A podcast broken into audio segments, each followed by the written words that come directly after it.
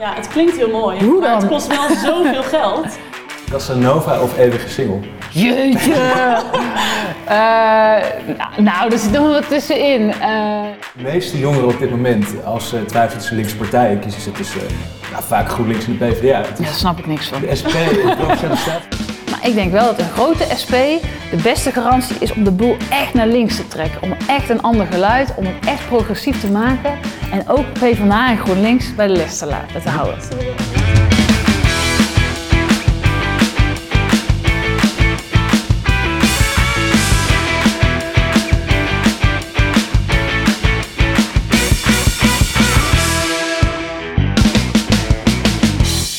Nou, welkom allemaal bij de eerste aflevering van de Studenten Stemwijzer.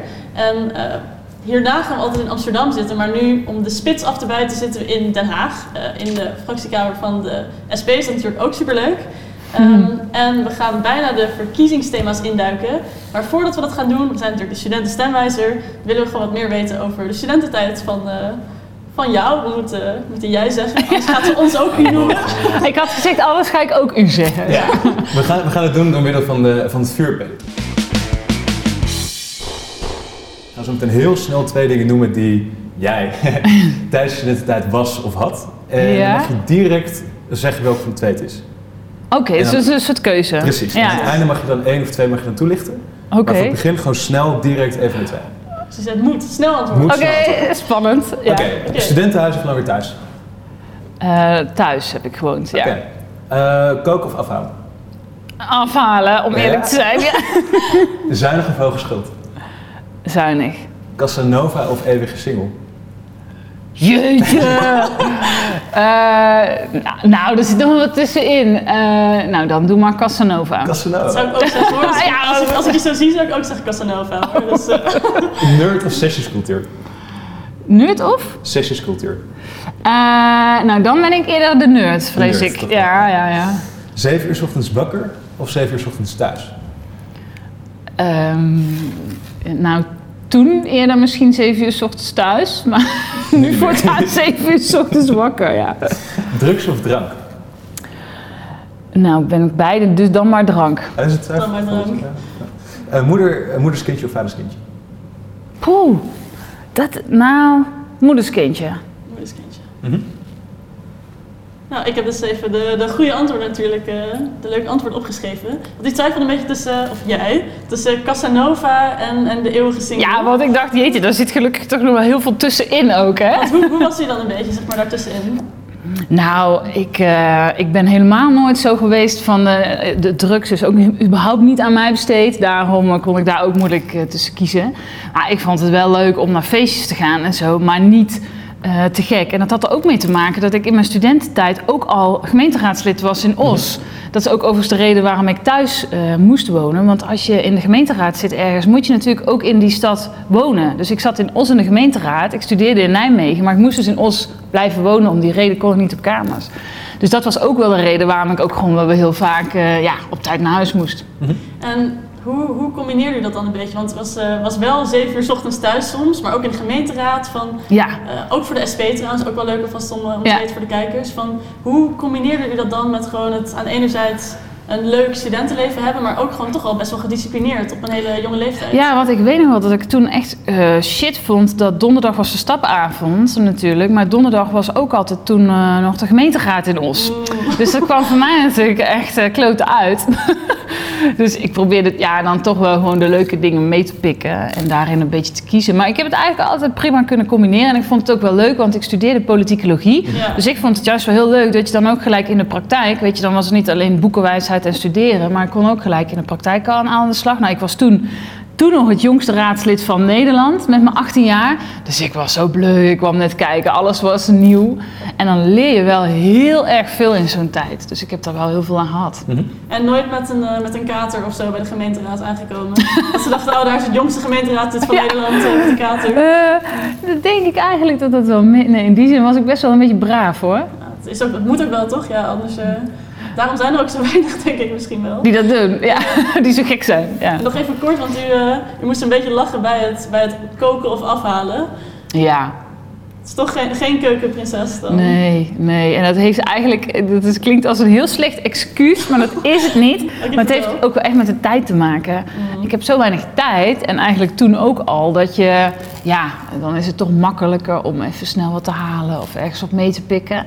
Nou, nu zijn de restaurants natuurlijk al super lang gesloten, Ja. maar Hoe ja. u dat dan op? ja, dan wordt het dus inderdaad afhalen. Ja, Ja, ja, dat is ook.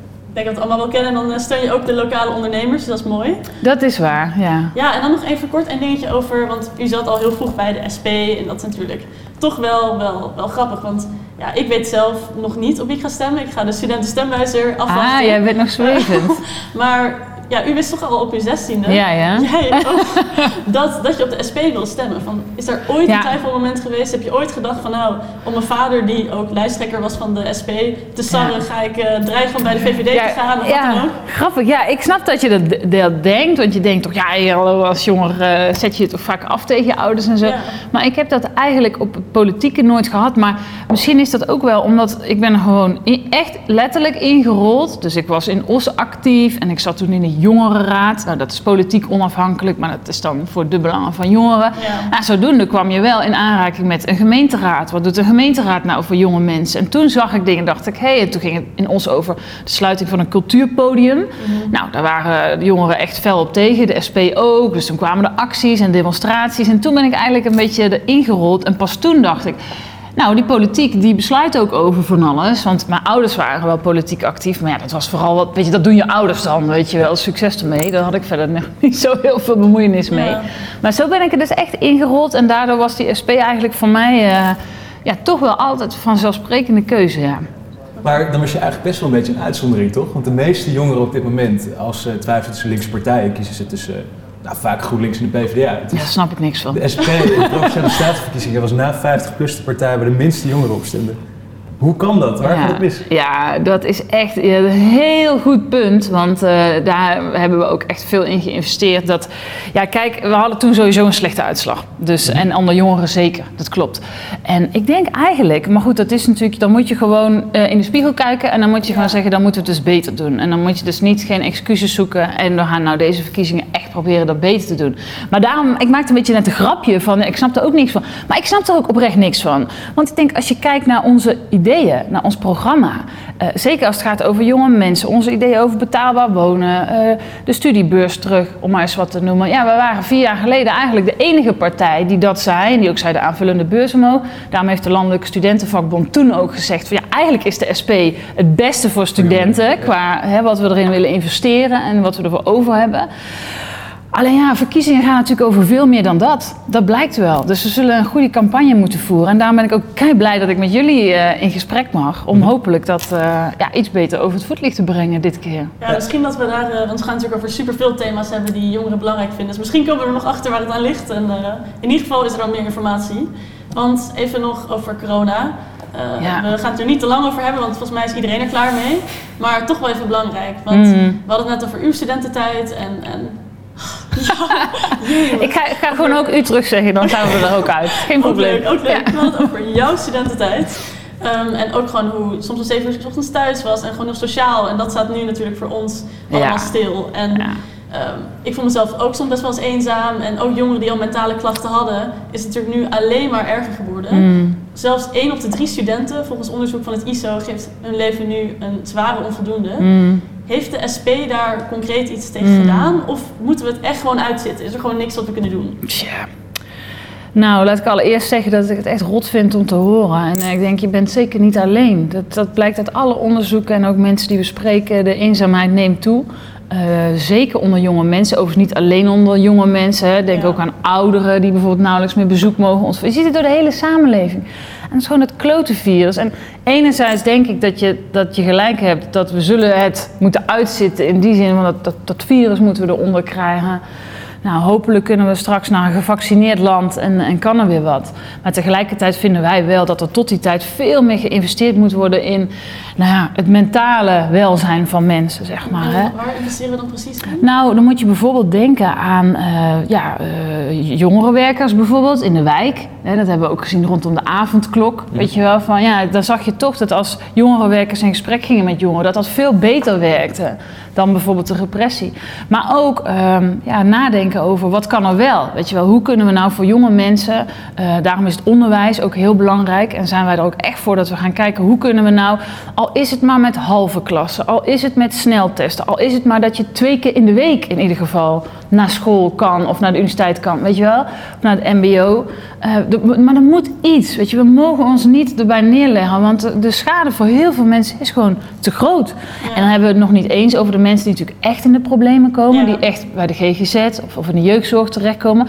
Nou, daar waren de wachtlijsten natuurlijk al lang, daar hadden wij al kritiek op. En daarvoor zeggen we, nou, dat mag geld nou echt gewoon geen rol spelen. Dat moeten we gewoon voor zorgen. Als daar tekorten zijn in deze tijd, dat kan niet, weet je wel. We smijten met miljarden terecht hè, om bedrijven overeind te houden. Maar we moeten ook onze mensen en onze samenleving overeind houden. Precies, dus van de SP kunnen we verwachten meer geld om de wachtrijen weg te werken bij de GGZ. Maar misschien ook toch wel meer aansturen op fysiek onderwijs. Want bijvoorbeeld Thijs en ik Mhm. hebben al... Ik heb geen fysieke les meer gehad sinds maart. Maar jullie zeggen dus wel, denk aan sneltesten. Denk aan hoe we dit gewoon wel mogelijk kunnen maken. Wij ook hebben- voor de studenten. Ja, al heel vaak. Maar ik zelf nog, het vorige grote coronadebat is een voorstel van mij aangenomen. waarin we het kabinet nogmaals opdragen. Ga onderzoeken hoe het onderwijs veilig open kan. Want het kan niet langer dicht blijven, maar het moet wel veilig. Dat is Ja. natuurlijk ook waar. Maar je kan allerlei manieren bedenken. En kijk dan ook om ons heen naar hoe andere landen dat doen. Inderdaad, doe met, met groepen of met, met, met clusters, met bubbels, met schermen, met mondkapjes. Een combinatie van online en fysiek onderwijs. Maakt niet uit, maar we moeten creatief zijn. Dat is Ja. ongelooflijk. Je hebt dus al bijna een jaar lang, begrijp ik, De geen... helft van mijn bachelor gaat eh, online zijn geweest, ja. Ongelooflijk. Ja, dat is... zeg maar, dat, dat, dat ze wist dat we dus Ja. de helft van onze bachelor online hebben, betalen natuurlijk wel nog het volledige collegegeld, zit ja. nog in de studentenlening, al dat soort dingen. En Ja. de is een partij geweest die altijd falikant tegen het leenstelsel is geweest. Het schuldenstelsel noemen jullie het. Ja, dat klopt, ja. Ehm, en er zijn steeds meer partijen die het eigenlijk ook vinden. ja. Maar wat moet er nou in plaats van het leenstelsel komen? Ja, wij willen dus de basisbeurs terug. We willen ook een aanvullende basisbeurs voor jongeren die nou ja, uit een gezin komen waar ze het iets minder breed hebben. En, en daarin is de SP denk ik wel uniek, wij willen compensatie voor de schuldengeneratie, zoals we dat hebben genoemd. Omdat we het gewoon, ja, ja, voor jullie en heel veel anderen. Omdat we zeggen, het is gewoon oneerlijk. Het is een politiek experiment geweest. Je hebt gelijk, de SP was er altijd op tegen. Maar dat maakt nu even niet uit. Het is gebeurd. Jullie en veel anderen zijn daar de dupe van geworden. Nu is de politiek er ook achter. Hè. Ook de initiatiefnemers toen de tijd van het schuldenstelsel, het leenstelsel zeggen nu... Ja, is toch niet zo handig. Toch maar weer een vorm van die basisbeurs terug. Hé, hey, hallo, en wat doen we dan met die mensen die, ja, jullie en anderen, die wel de dupe zijn geworden van dat leenstelsel? Dus wij willen dat daar een compensatie voor komt. Hoe ziet die Eh, eruit? nou, daar zijn we nu mee bezig om daar een wet voor te maken. Om ervoor te zorgen dat als er straks een nieuw kabinet zit en er is dan een meerderheid om weer een vorm van een basisbeurs terug te krijgen. Nou, daar ziet het er wel naar uit, want Ja. inderdaad bijna alle partijen zeggen dit nu, ze komen er allemaal op terug. Dan moet het gewoon heel snel geregeld worden. Nou, technisch is dat misschien nog best wel ingewikkeld, maar wij willen wel dat iedereen die compensatie krijgt. Want sommige mensen hebben zich in de schulden moeten steken. Ja. Anderen hebben zich de tering moeten werken en misschien nog twee banen erbij moeten nemen of zo om het te kunnen betalen. Eh, dus we willen niet dat daar onderscheid in gemaakt wordt, maar wel dat, dat de politiek zegt tegen jullie: het was fout, het was een experiment, het is mislukt, we gaan het anders doen voor de toekomst, maar we gaan jullie ook compenseren voor wat jullie, eh, nou ja, dat jullie daar de dupe van zijn geworden, Ja. want dat is het gewoon. Ja, ja, ja. Zou van dat leenstelsel. Zijn, zeg maar, dat we uiteindelijk nog een, een studieschuld overhouden? Of als, als de SP aan de macht zou komen? Ja, nou ja, ons idee is dus echt om een substantieel eh, bedrag, en dat zal dan onderhandeld moeten worden, zo werkt het natuurlijk, Tuurlijk, wat dat ja. dan zal zijn. Maar wij willen dus niet dat studenten met schulden achterblijven en dat die, die schuldengeneratie, dat die echt gecompenseerd wordt voor alle schulden die ze hebben moeten maken. Oké. Nou ja, goed, als we zo meteen klaar zijn met die studie, hopelijk over, nou, zo snel mogelijk, met deze leenstelsel natuurlijk niet doorgaan. Ehm, dan komen we terecht op de arbeidsmarkt. En die arbeidsmarkt die lijkt helemaal na corona natuurlijk steeds Ja. te verslechteren. Eh, de jongerenwerkloosheid loopt op. En als we aan een baan komen, zijn het meestal eigenlijk flexibele banen. SP is er heel duidelijk in. We willen vaste banen en werk voor iedereen. Hoe gaat dat eruit zien? Ja, en dan eigenlijk vooral zekere banen. Ehm, en hoe gaat dat eruit zien? Ja, ik denk dat klopt. Er zijn nu ondertussen zoveel onderzoeken die laten zien dat uh, Nederland is echt flexkampioen in Europa. Hè? Ook als je het vergelijkt met andere Europese landen. En iedereen snapt voor wat ze dan noemen ziek en piek. Uh, moet een bedrijf met flexibele krachten kunnen werken, prima. Maar in Nederland is het gewoon totaal doorgeslagen. En je ziet nu met de coronacrisis inderdaad wie ook als eerste de rekening krijgen. Mensen met een oproepcontract, uitzendkrachten. Maar denk ook aan ZZP'ers, weet je, die dan ook nog in de steunmaatregelen. Dat vind ik dus heel oneerlijk van het kabinet. Uh, niet, niet krijgen terwijl ze bijvoorbeeld wel vanwege overheidswegen hun werk moeten stoppen. Dan vinden wij, ja, dan zou je ook gewoon volledig gecompenseerd moeten worden. Dat gebeurt nu niet. Maar we vinden dus dat um, uh, zeker werk, dat zou de norm moeten zijn. En dat kan je bereiken door onzeker werk, flexwerk, duurder te maken uh, ten opzichte van uh, vast werk eigenlijk, mm -hmm. zeker werk. Maar je zou natuurlijk ook kunnen zeggen dat, dat als je dat doet, als je dat werk duurder maakt, dat werkgevers ook steeds minder bereid zijn om mensen aan te nemen. Omdat ze bang zijn dat het meer risico's met zich meebrengt, dat ze meer uitbetalingen moeten doen. Gaat de werkloosheid dan niet oplopen? Het is ook wel een crisis natuurlijk. Ja, nou wij denken toch van niet. Eén, uh, omdat Nederland nu, uh, wat ik zei, echt koploper is in Europa als het gaat over flex. Het is echt doorgeschoten. Twee, omdat er ook steeds meer onderzoeken zijn die uh, juist het tegenovergestelde laten zien. Die zeggen juist als je investeert in je mensen, als je investeert in je personeel, want dat is natuurlijk ook wat je doet met zekerheid geven aan je mensen, investeer je ook in een opleiding, noem het allemaal maar op. Uh, dan is dat uiteindelijk beter voor de economie. Is dat beter voor de economie dan zo'n flex-economie met zogenaamde wegwerpwerknemers, weet je wel, voor jou tien anderen, oproepcontracten, superveel onzekerheid. Uh, uiteindelijk werkt dat dus averechts. Dus we denken dat het juist beter is om daarin te investeren voor mensen die werken, maar ook voor de economie en daarmee uiteindelijk dus ook voor bedrijven. Nou, laten we hopen dat de werkgevers ook zo denken dan. En meeluisteren. ja, meeluisteren. Dan even over huren. Omdat ja. natuurlijk ook... Uh, ja, wij wonen in Amsterdam. Dan kan je natuurlijk zeggen, een beetje zelf voor gekozen dat je in een stad woont waar de huren zo hoog zijn. Maar eigenlijk in alle steden ja, zijn huren gewoon Ja. super hoog. Um, en SP wil, wil huren en ook wonen betaalbaarder maken. Ja. Um, hoe pakken jullie dat aan? Ja, nou super belangrijk punt dit. Um, hier hebben we ook echt heel veel kritiek op het kabinet. Want als je ziet hoe de huren zijn geëxplodeerd de afgelopen jaren, dat is echt gigantisch. Terwijl de belofte juist was, we gaan investeren in meer betaalbare huizen. Nou, één, er moet natuurlijk meer gebouwd worden. Dat helpt altijd, want er zijn er meer woningen. Maar ja, daar hebben we nu niks aan, dus dat moet ook wel gebeuren. Uh, maar dat vindt ook iedereen, dat dat Ja. moet gaan gebeuren. Maar we vinden dat er meer moet gebeuren. We vinden dus ook dat die huren veel meer gereguleerd zouden moeten worden. Dus dat het niet zo is nu uh, dat het uh, bijvoorbeeld als je eruit gaat en dan komt iemand nieuws en dat dan gelijk die huren enorm omhoog kunnen. Ja. Want ja, dat wil natuurlijk wel, zeker in een tijd van, van schaarste. En het gaat uiteindelijk ook, politiek gaat om ideeën. En dit is nou echt iets waarvan we zeggen, de woningmarkt is in zichzelf fout. Want dat moet geen markt zijn. We willen eigenlijk naar volkshuisvesting.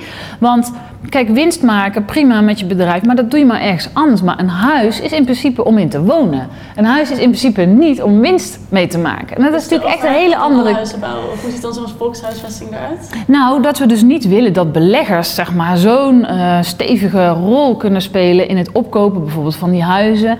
Dat zien we nu hè, ook uh, massaal in woonwijken bijvoorbeeld gebeuren. Hè. Dan worden betaalbare huizen opgekocht, die worden soms zelfs gesplitst. Of niet zelden worden de arbeidsmigranten ingeplaatst, weet je wel. Ja, en daar wordt dan dik aan verdiend. Nou, zeg maar dus, dus, dus wonen als verdienmodel, nou, daar willen we afscheid van nemen. En dat betekent inderdaad wel dat de overheid een stevige rol zou moeten spelen, maar ook dat we die, die huren dus meer moeten reguleren en dat we meer betaalbare huizen moeten bouwen.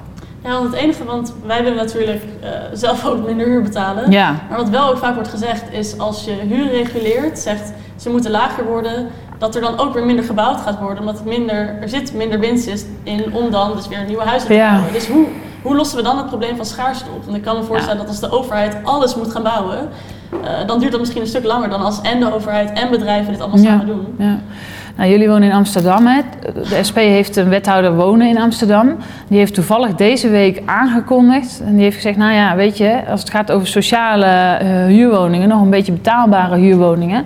Als het uiteindelijk nodig is, dan gaat de gemeente Amsterdam die zelf maar opkopen. Om te voorkomen dat ze gesloopt worden. Want dat is nog even een ander aspect. Hè. Op dit moment, je kan het bijna niet bedenken, worden nog steeds betaalbare huurwoningen gesloopt. Nou, daar zouden we eigenlijk sowieso mee moeten stoppen. En, zegt hij ook terecht, er is een zogenaamde verhuurdersheffing. Nou, dat was ooit in de vorige crisis een belasting die hier in Den Haag is bedacht. voor de woningcorporaties, iets van 2 miljard per jaar. En eigenlijk, dat is dan ook zo'n punt waar ondertussen de meeste partijen het gelukkig wel over eens zijn met ons, dat we dat moeten afschaffen. Want dan komt dat geld ook vrij voor die corporaties om juist te investeren om weer woningen te bouwen. Ja. Ja, en dan nog even, want uh, we hebben het er net over gehad, de overheid moet nu uh, veel meer gaan bouwen. We hebben het gehad over het leenstelsel en best wel veel plannen die natuurlijk veel geld kosten. En misschien zit ook wel een beetje waarom dus sommige jongeren twijfelen over de SP. Omdat ze denken, en dat zeiden sommige van onze volgers ook, ja, het klinkt heel mooi, Hoe maar dan? het kost wel zoveel geld. Nu met corona Ja. is, heeft de overheid natuurlijk ook heel veel geld uitgegeven. Ja. En wij willen niet dat, dat dit allemaal op ons bordje Nee. komt, eh, de jonge generatie. Dus inderdaad, hoe dan? Terecht, supergoede vraag. En ik ben ook blij dat je het vraagt. Want ik denk ook dat dit eh, inderdaad misschien iets is waardoor mensen denken... nou, de SP best leuke ideeën, maar eh, hoe kun je het dan betalen? Nou, eh, we hebben een heel verkiezingsprogramma. Dat kun je ook vinden op onze website. En dat programma wordt ook helemaal doorgerekend... net zoals andere partijen dat doen door dat CPB. Dus uiteindelijk kun je ook bij ons gewoon zien... waar we het allemaal van betalen. En eh, ook de vorige keer zijn we daar gewoon goed uitgekomen. Dus dat even als geruststelling. Alleen, het is wel een kwestie van keuzes maken. Ja, dat klopt. Kijk, bij ons is het wel zo dat we eh, in onze ogen dingen eerlijker gaan doen. Dus neem bijvoorbeeld de zorg. Nou, dat is ook iets waar het vaak over gaat. Oh, de zorgkosten stijgen en hoe gaan we dat dan doen? Ja, wij zeggen, nou, maak het dan inkomensafhankelijk. Dus dat betekent dat mensen die meer verdienen, relatief ook wat meer gaan bijdragen. Ja. Ja, dat is natuurlijk een andere manier. En als je daarnaast ook eh, ja, toch keuzes maakt om de grote bedrijven, die bijvoorbeeld winst maken. Ja, als je ziet gedurende mijn leven, ik ben nu 35, is bijvoorbeeld de belasting die bedrijven betalen over een winst, die is ongeveer gehalveerd. Kun je nagaan. Dus de laatste jaren zijn die eigenlijk steeds minder, minder, minder, minder gaan betalen. En heel veel mensen eigenlijk meer. Ja, en dat vinden wij oneerlijk. Dus dat schroeven wij weer wat op. En dan kan je zeggen, oh, dat is radicaal en zo. Nou ja, misschien wel. Maar eigenlijk als je het in de historie bekijkt, helemaal niet. Want waar we vandaan komen, betalen ze nog veel meer. Maar ja, zodoende kunnen wij wel eh, geld ophalen om bijvoorbeeld te investeren in het compenseren van de schuldengeneratie. Of om fatsoenlijke betaalbare huizen te bouwen. Ja, dat is de keuze. En daar mag, mogen mensen op 17 maart over stemmen natuurlijk. En een soort van concreet, van, eh, wij studeren allebei eh nou, combinatiestudie, maar vooral rechten. Ah. stel dat ik nou eh, mijn ziel verkoop en op de Zuidas ga werken, eh, concreet hoeveel belasting zet ik dan aan te denken om dit soort plannen te, te financieren? Ja, dat ligt natuurlijk helemaal aan wat jij gaat verdienen. Ja, en hoe succesvol ik word. en hoe succesvol jij eh, gaat zijn op de echt- Zuidas. Weet ik veel, 60% of zo, of 50% of hoe, hoe zitten we daarin? Nou, wij splitsen het echt op in, dus over het eerste deel natuurlijk niet. Maar het is wel zo hoe meer je gaat betalen. Maar dan willen we echt wel, ook wel dus de superrijken, zeg maar, meer belasting laten gaan betalen. Dus dan moet je echt denken aan een miljonairsbelasting bijvoorbeeld. Ja, dat zijn mensen die inderdaad, eh, en dat loopt dan op. Als je 1 miljoen hebt, dan betaal je zoveel. Als je 2 miljoen hebt, dan betaal je nog meer. En zo bouwen we dat op. Maar ja, aan de andere kant, als je kijkt ook naar de vermogensongelijkheid, bijvoorbeeld in Nederland. Heel veel mensen weten dat niet. Maar dat is dus super ongelijk. Nederland is als het gaat over vermogen, dus niet over inkomen, maar over vermogen. eh, Ik geloof na Amerika en, en nog een, nee, nee, zelfs na Amerika, het tweede eh, land met de grootste vermogensongelijkheid in, in, nou ja, van de rijke westerse landen. Eh, en dat betekent gewoon dat de 10% rijkste mensen, die bezit twee derde van ons vermogen. Nou, dat betekent dus dat 90% van de mensen, dus ik denk, ik denk heel veel mensen die hier naar kijken, ja, die moeten het doen met de rest. Nou, dat vinden wij oneerlijk. En wij denken, ja, daar zou je echt nog wel dingen eerlijker kunnen regelen, waardoor er ook meer geld beschikbaar is om andere dingen mee te doen. Dus meer, meer kijken naar vermogen en minder naar inkom, inkomstenbelasting. Jawel, ook wel naar inkomen, maar dan, omdat, omdat jij vroeg van, eh, hey, eh, hoe zit het dan met mij en wat ga ik Ja. dan betalen? Eh, kijk, je ziet vooral bij dat vermogen dat het echt heel ongelijk is. Dus daar zou je heel snel aan wat kunnen doen. Ja. En als het gaat over inkomen, dan zeggen we inderdaad, ja, als jij meer verdient, dan zou je ook relatief meer kunnen bijdragen. We hebben nog iets waar heel erg veel geld naartoe gaat als het goed is eh, de komende jaren. En dat is klimaatverandering. Hoe is het natuurlijk Ja. ook voorkomen? Ja. Ehm, klimaat staat in het verkiezingsprogramma van de SP als punt 8 van de 10. En nou, we hebben het net gehad over, over hoeveel geld we al gaan investeren in de arbeidsmarkt, in de huizenmarkt en al dat soort dingen. Ehm, het lijkt erop dat klimaat niet echt jullie prioriteit is dan toch? Nou, die, die volgorde is geen volgorde van hoe we dat belangrijk vinden hoor. Nee, wij vinden klimaat heel belangrijk. eh, en dan vooral klimaatrechtvaardigheid. Omdat wij denken dat ehm, een klimaatbeleid alleen maar kan lukken als we het ook rechtvaardig doen. En daar bedoelen we mee dat de mensen die ervan zouden moeten profiteren, bijvoorbeeld van de klimaatsubsidies, nu zie je dat het grootste deel van die klimaatsubsidies gaat naar de toch al rijke mensen. Ja, dat vinden wij niet kloppen. Maar ook uh, de grootste uitstoters. Ik geloof dat 80% van de uitstoot in Nederland komt van de grote bedrijven. Uh, en ik geloof dat um, de 10, 10%, de, nou, de 10 grootste uitstoters bij elkaar verantwoordelijk zijn voor de helft van de uitstoot. Dus wij zeggen ja, dan is het wel zo eerlijk dat die ook de rekening gaan betalen. Um, dus dat vinden wij heel belangrijk. En dan kan je ook het snelste winst boeken om de klimaatdoelen te halen. Maar dan doen we het ook op een eerlijke manier, zodat iedereen het ook mee kan maken. En niet alleen als je bijvoorbeeld geld hebt om een Tesla aan te schaffen of zo, noem maar wat. Ja, dus alleen één, één ding in het verkiezingsprogramma dat uh, jullie niet noemen, of wel noemen, maar waar jullie tegen zijn. En uh, dat is kernenergie. Terwijl natuurlijk kernenergie ook iets is wat de, de CO2-levels in Nederland enorm naar beneden zou kunnen brengen. Um, in nou, relatief korte tijd. Waarom zijn jullie daar nou zo tegen? We willen toch de klimaatdoelen gaan halen? Ja, dat willen wij zeker halen. Maar wij denken gewoon niet op dit moment dat kernenergie ons daarbij gaat helpen. En dat is wel leuk. Onze woordvoerder klimaat is Sandra Bekkerman. En die komt op dit punt altijd met een krant. Ergens uit de jaren 50 of 60. En daar staat dan heel groot op de voorpagina. precies jouw punt. Kernenergie gaat ons helpen om uh, duurzaam en schoon te produceren. En daarmee wil ze laten zien dat dit al decennia lang eigenlijk opkomt. Die discussie over kernenergie. Uh, maar er is geen hond die erin wil investeren, dus het komt niet van de grond. En het lukt ook gewoon op dit moment echt nog niet om het op een veilige manier te doen. En daarvan zeggen wij, hey, hallo, er zijn zat alternatieven die we nu kunnen doen. Wij hebben, nou, wij hebben een eigen plan bijvoorbeeld. Um, dat we zeggen, we zouden op alle daken in Nederland die daarvoor geschikt zijn, uh, collectief, dus gezamenlijk, zonnepanelen moeten gaan leggen. Nou, we vinden dat het kabinet daar nu veel te weinig aan doet. Sterker nog, de subsidies voor zonnepanelen willen ze terugbrengen in plaats van opschroeven. En we hebben laten uitrekenen door CE Delft dat als we dat zouden doen, dat we dan meer stroom zouden kunnen opwekken dan nu alle huishoudens bij elkaar in Nederland verbruiken. Dus daar is nog heel veel winst te halen. Ja, wij denken van dit zouden we echt nu op deze manier gezamenlijk moeten aanpakken. Oké, okay, nou dan nog even een, een, laatste punt. En daar, of nou ja, voordat we, we zijn bijna klaar, nog even ja. een punt. Uh, is de Europese Unie. En wij denken dat misschien, want we hadden het eerder al over van waarom stemmen nou studenten minder op de SP, dat kan hieraan liggen. Want wij hebben gevraagd uh, op ons Instagram, waarom stemmen, zouden jullie wel of niet voor de SP stemmen? En veel mensen zeiden niet door de EU, omdat jullie uh, te eurosceptisch zijn. Sommige mm. mensen denken zelfs dat jullie uit de EU willen, van de euro af. Wat willen jullie precies? Nou, ook dus supergoed dat, dat je dit vraagt, dat ik dit nou mag uitleggen. Uh, nee, wij willen niet uit de EU. Dus iedereen die dat uh, heeft gehoord, die heeft het verkeerd uh, begrepen. wij zeggen wel over de euro inderdaad, maar niet wij alleen. Er zijn heel veel wetenschappers, economen, maar ook Klaas Knop bijvoorbeeld zelf, die zegt eigenlijk is de euro op termijn onhoudbaar. Wij willen dus ook niet nu uit de euro. Dus daar hoeven mensen zich ook geen zorgen over te maken. Maar wij vinden wel dat je het denken moet starten. Kijk, we zitten nu in een dikke coronacrisis. Uh, wij denken, en met ons ook wel economen en anderen, dat er een eurocrisis zit aan te komen, dat die op termijn niet houdbaar is. En zou het dan niet verstandig zijn dat we nu vast wel nadenken over mogelijke alternatieven? Omdat als je pas gaat nadenken op het moment dat je in een crisis zit, ja, dan ben je te laat. En dat is wat wij zeggen. En, en verder met de EU van ja. willen we, want er komen super veel problemen aan. We zitten in een coronacrisis, ja. klimaat, migratie. Je zou juist denken, dan moeten we allemaal nog meer samenwerken. Ja. deze problemen gaan grenzen over. Precies, maar op die punten zijn wij ook echt voor Europese samenwerking. Want dat, dat kan je inderdaad niet anders. Ik bedoel, het klimaat stopt niet bij landsgrenzen. dat gaat niet.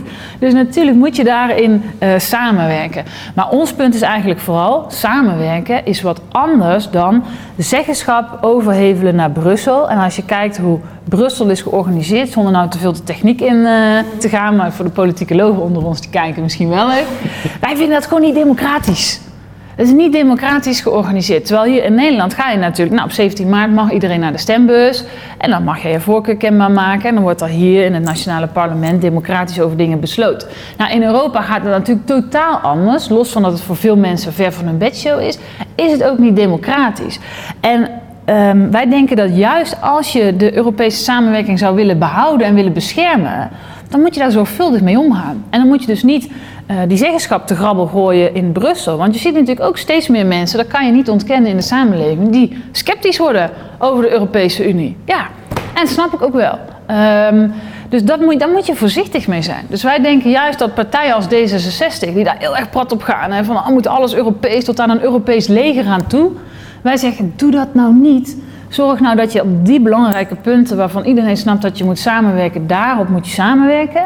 Maar stop nou met het, uh, ja, eigenlijk het overhevelen van zeggenschap van Nederland naar Brussel. Ja, Want dat is, toch, niet nodig. Ja, dat is wel, wel toch een beetje lastig, hè? Want we willen graag samenwerken op die belangrijke thema's. Maar tegelijkertijd zagen we nu al tijdens corona, er werd nauwelijks samengewerkt. En EU wil misschien wel zeg maar, nog minder gaan samenwerken op Europees niveau. Uh, meer zeggenschap naar individuele landen. Ik bedoel, Mark Rutte kon in zijn eentje uh, bijna uh, het hele plan tegenhouden om naar de zuidelijke lidstaten meer geld te geven die zo hard getroffen waren. Um, gaat dat wel samen? Dat we veel democratischer mm. Europa willen, maar tegelijkertijd nog steeds wel die problemen willen aanpakken.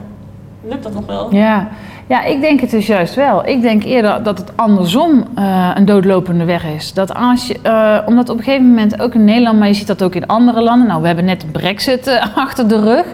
Ja, ik zou denken, jongens, leer daar nou van. Leer daar nou van. Zie nou wat er misgaat. En investeer nou juist in die dingen waarvan iedereen snapt dat het belangrijk is om samen te werken. En ik ben het met je eens dat dat ook nog beter kan. Dat er echt nog winst te behalen is. Um, maar er zijn natuurlijk ook genoeg dingen waarvan mensen zeggen: ja, dat kunnen wij hier in Nederland prima zelf uh, regelen. En dan heb je het ook bijvoorbeeld over die begrotingsregels, weet je wel. Dat is ook een beetje technisch, maar jarenlang is dat toch door de EU eigenlijk gedicteerd. En nu zie je in de coronacrisis, ja, nu kunnen we het toch opeens loslaten, weet je, omdat we nu in een crisis zitten. Nou, ik denk terecht dat dat zo is. Maar denk ik, oké, laten we daar dan van leren. Dat die flexibiliteit er dus ook gewoon moet kunnen zijn voor landen. -hmm. Ja, dus nadenken over alternatieven voor de euro. Ja. Uh, meer uh, samen, of samenwerken op bepaalde punten, maar niet te veel mag naar Brussel. Ja. dat wij nu om even toch nog, hebben superveel gehoord over heel veel verschillende thema's we willen dat mensen die nu luisteren ook gewoon hun stemkeuze iets inzichtelijker kunnen maken. Ja. Dus daarom hebben we nog wat korte vragen om mee af te sluiten. Ja, dus eventjes inderdaad heel snel. Uh, ja, daar gaan we, ja. De, de grootste stereotypes bij de, bij de SP die onze volgers inderdaad, inderdaad gaven, ja? was dat de SP ook vaak aan de zijlijn staat. Nooit mee gaat regeren. Altijd ik zal, ik zal het wel zeggen, een beetje op zijn zijkant. zeg het gewoon, ja. Gewoon geloven te schreeuwen en niet echt iets bijdragen. Ja. En één iemand zei ook van, nou ja, als ik mijn stem vertegenwoordigd wil hebben in het regeerakkoord, dan moet ik niet op de SP stemmen. Wat zou je tegen hem zeggen? Ja, dat diegene daar niet bang voor hoeft te zijn. Maar dat het voor ons wel belangrijk is dat we groot worden. Omdat we het verschil willen kunnen maken. En als we dat kunnen, ik noemde net onze wethouder in Amsterdam. In Amsterdam besturen we bijvoorbeeld. Uh, maar dat is wel heel belangrijk. En uh, afgelopen jaren, we hebben net een aantal dingen besproken. Bijvoorbeeld het leenstelsel, maar ook uh, nou ja, toch hoe onze woningmarkt echt een markt inderdaad is geworden. Kijk, dat waren dingen waar wij als SP ook gewoon op tegen waren. En dat is, maar dat was toen wel het beleid. En wij hebben gezegd, hé, hey, maar dat is niet wat onze kiezers willen, dus daar kunnen we niet aan meedoen. Maar nu zien we dat er steeds meer ruimte komt. Gelukkig worden ook steeds meer ideeën van ons overgenomen. We hebben het nog niet eens gehad over het minimumloon, wat omhoog moet. Bijvoorbeeld staat nou zelfs het programma van de VVD. Mhm. Ja, uh, natuurlijk denken wij, als wij nu groot worden, dan is het onze kans om, om te kunnen gaan regeren. En één ding weet ik wel, een regering met de SP zal socialer zijn dan een regering zonder de SP. Dus zelfs als die regering met de VVD is? nou, liever niet wat ons betreft, liever niet. En hoe groter wij worden, hoe groter ook die kans is dat we het een keer zonder de VVD kunnen doen. Nou, laten we eens kijken hoe dat uitpakt. Oké, nou goed. Een van de, ja, dus stel je voor inderdaad dat, dat er zo'n coalitieonderhandelingen komen tussen de SP en de VVD. Welk punt moet dan per se in het regeerakkoord komen te staan? Als je er eentje mag kiezen. Maar één? Maar eentje. Nou, er gaan er natuurlijk meerdere in komen, maar waar breekt het regeerakkoord op? Um, nou, ik kan me niet voorstellen dat de SP in een kabinet terecht zou komen. Met alleen de VVD? Met überhaupt niet met alleen de VVD. Nee, nee. maar wat de, uh, dat de tweedeling in Nederland nog, nog verder zou vergroten in plaats zou, zou verkleinen. Mm -hmm. Dat is voor ons wel echt heel belangrijk. Daar hebben we het net in het gesprek ook over gehad. Maar dat is ook als je kijkt naar dat wat van ons allemaal is. Weet je wel, de zorg, de onderwijs, veiligheid. Je ziet nu in, in, in de rijke wijken de particuliere beveiligingsbedrijven. Terwijl in de gewone wijk is politiebureau verdwenen. Ja. Die spotjes op de radio. Hè, van wilt u ook het beste onderwijs voor uw kind? Uh, ga dan voor particulier onderwijs. Ja, ja. ja, super fijn voor die kinderen en die gezinnen die zich dat kunnen permitteren. Maar heel veel andere kinderen zitten in een volle klas.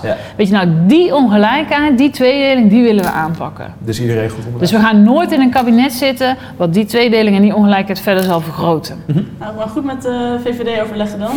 ja, ja dat wordt nog wat, ja. En dan nog voor mensen die twijfelen tussen PvdA, GroenLinks en SP. Waarom SP? Uh, nou ja, sowieso SP natuurlijk, omdat ik echt denk dat wij de beste ideeën van Nederland hebben. Maar goed, dan moet iedereen zich ook maar vooral dit gesprek bekijken en op sp.nl gaan zoeken als je nog specifieke dingen wilt weten.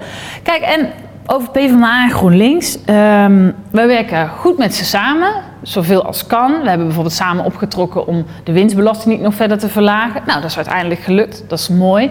Eh, elk jaar met Prinsjesdag komen wij ook met z'n drieën met, met alternatieve voorstellen, waar we het in ieder geval met z'n drieën over. Dus we kunnen goed samenwerken. Maar ik zou denken, als je dan toch wil links wil stemmen, stem dan op de SP. Want ja, we hebben bijvoorbeeld bij het PvdA ook gezien hoe dat is vergaan toen zij groot werden en in een kabinet stapten met de VVD. Dat is niet goed afgelopen. Maar ja, kijk, GroenLinks stond natuurlijk ook mede aan de wieg van het leenstelsel bijvoorbeeld. En wij denken dus, kijk, fouten maken mag. Dat doen we allemaal. Dat zullen we als SP ook doen. Dus dat is niet wat ik hiermee wil zeggen. Maar ik denk wel dat een grote SP de beste garantie is om de boel echt naar links te trekken. Om echt een ander geluid, om het echt progressief te maken. En ook PvdA en GroenLinks bij de les te, houden. Oké, volgens mij moet u er vandoor. Heeft een hartstikke drukke dag. Klopt. Enorm bedankt dat u tijd heeft gemaakt voor ons. Geen en ook dank. iedereen dat het eh, geregeld kon worden. Ja. Ik vond het een superleuke eerste aflevering. En eh volgende aflevering spreken we Laurens Van Volt, de partij die nu net op eh, één zetel staat. Ehm, ja, super bedankt. Nou, en Ja, heel veel succes hè, met eh, de reeks en eh, nou ja, alles wat jullie in de campagne gaan doen. En goed dat jullie dit doen. Echt Dankjewel. belangrijk. Ja. Ja. Hopelijk komen we niet met de gebrek aan zelfkennis award eh, Ja. hier in Den Haag. Nou ja, een leuke reden om nog een keer langs te komen, toch? Ja, moet, moet gaan lukken, ja.